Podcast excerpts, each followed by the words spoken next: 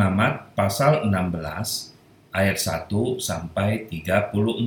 Sesudah kedua anak Harun mati, yang terjadi pada waktu mereka mendekat ke hadapan Tuhan, berfirmanlah Tuhan kepada Musa, firman Tuhan kepadanya, Katakanlah kepada Harun kakakmu, supaya ia jangan sembarang waktu masuk ke dalam tempat kudus di belakang tabir, ke depan tutup pendamaian yang di atas tabut, supaya jangan ia mati. Karena aku menampakkan diri dalam awan di atas tutup pendamaian. Beginilah caranya Harun masuk ke dalam tempat kudus itu, yakni dengan membawa seekor lembu jantan muda untuk korban penghapus dosa, dan seekor domba jantan untuk korban bakaran. Ia harus mengenakan kemeja lenan yang kudus, dan ia harus menutupi auratnya dengan celana lenan, dan ia harus memakai ikat pinggang lenan, dan berlilitkan serban lenan. Itulah pakaian kudus yang harus dikenakannya, sesudah ia membasuh tubuhnya dengan air. Dari umat Israel, ia harus mengambil dua ekor kambing jantan untuk korban penghapus dosa, dan seekor domba jantan untuk korban bakaran. Kemudian Harun harus mempersembahkan lembu jantan yang akan menjadi korban penghapus dosa baginya sendiri, dan dengan demikian mengadakan pendamaian baginya dan bagi keluarganya. Ia harus mengambil kedua ekor kambing jantan itu dan menempatkannya di hadapan Tuhan di depan pintu kemah pertemuan. Dan harus membuang undi atas kedua kambing jantan itu, sebuah undi bagi Tuhan dan sebuah bagi Azazel. Lalu Harun harus mempersembahkan kambing jantan yang kena undi bagi Tuhan itu dan mengolahnya sebagai korban penghapus dosa. Tetapi kambing jantan yang kena undi bagi Azazel haruslah ditempatkan hidup-hidup di hadapan Tuhan untuk mengadakan pendamaian. Lalu dilepaskan bagi Azazel ke padang gurun. Harun harus mempersembahkan lembu jantan yang akan menjadi korban penghapus dosa baginya sendiri, dan mengadakan pendamaian baginya dan bagi keluarganya. Ia harus menyembelih lembu jantan itu. Dan ia harus mengambil perbaraan berisi penuh bara api dari atas mesbah yang di hadapan Tuhan, serta serangkut penuh ukupan dari wangi-wangian yang digiling sampai halus, lalu membawanya masuk ke belakang tabir.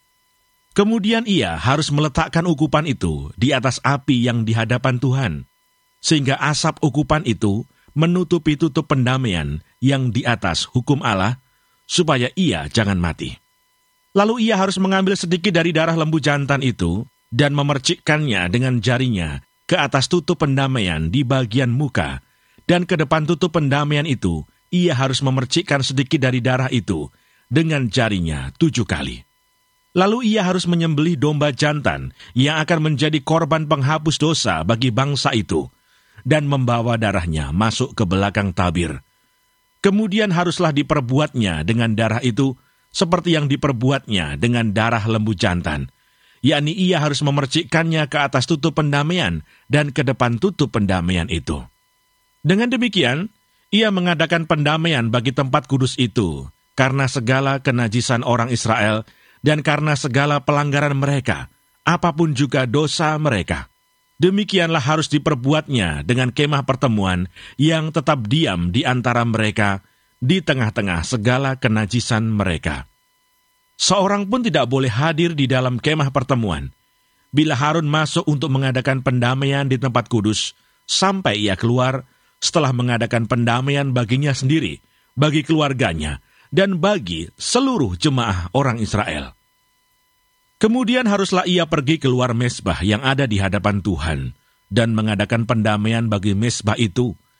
Ia harus mengambil sedikit dari darah lembu jantan dan dari darah domba jantan itu dan membubuhnya pada tanduk-tanduk mesbah sekelilingnya.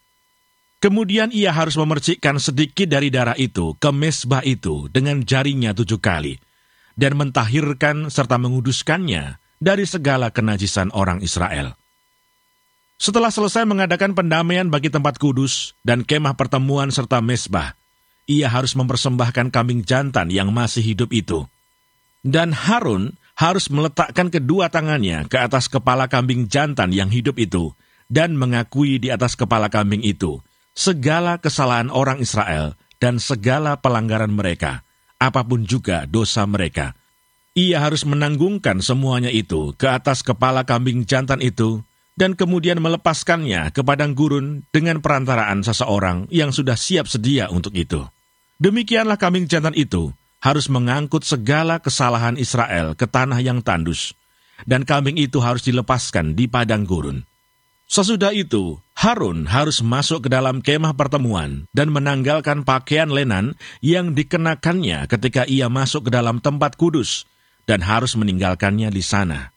Ia harus membasuh tubuhnya dengan air di suatu tempat yang kudus dan mengenakan pakaiannya sendiri, lalu ia harus keluar dan mempersembahkan korban bakarannya sendiri dan korban bakaran bangsa itu.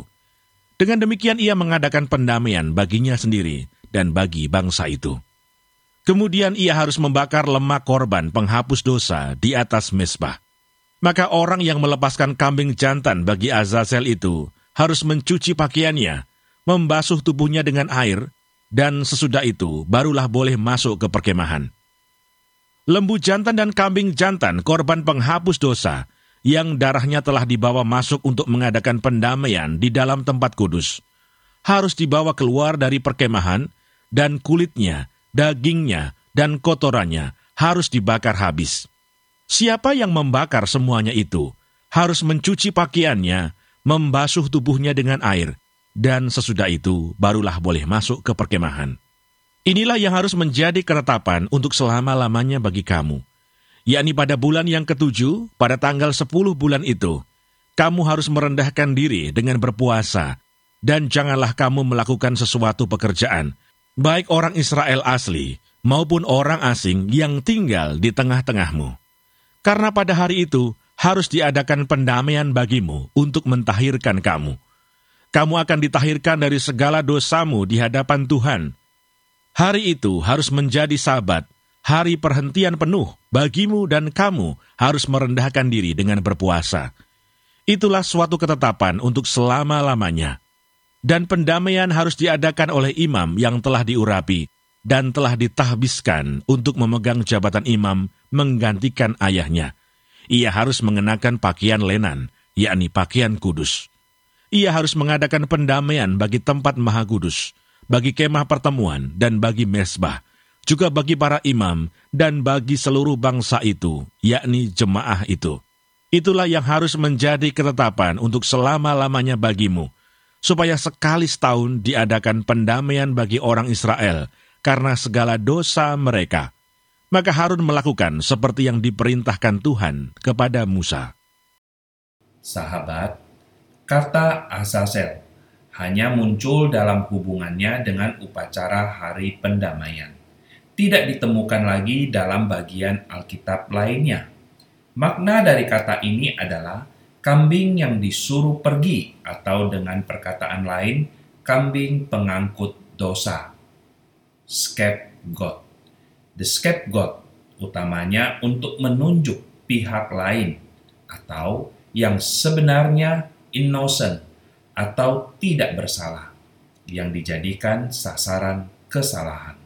Secara rohani, Azazel menceritakan tentang pekerjaan Kristus di Golgota yang begitu indah, melepaskan dan menyucikan kita dari dosa dan kemungkinan-kemungkinan dosa dan penyakit, membawa kita semakin tinggi dalam kesuciannya yang kekal, membuang segala dosa kita jauh-jauh, dan Tuhan tidak lagi ingat atau memperhitungkan dosa yang diampuninya. Kristus Yesus sebagai Imam Agung telah mempersembahkan dirinya sendiri sampai mati sebagai korban penghapus dosa bagi kita semua. Dan sekaligus dia hidup untuk mengadakan pendamaian antara kita dengan Allah. Bersyukurlah karena dia bersedia dan tidak menyesal telah menanggung dosa kita demi kemuliaan Bapa. Amin.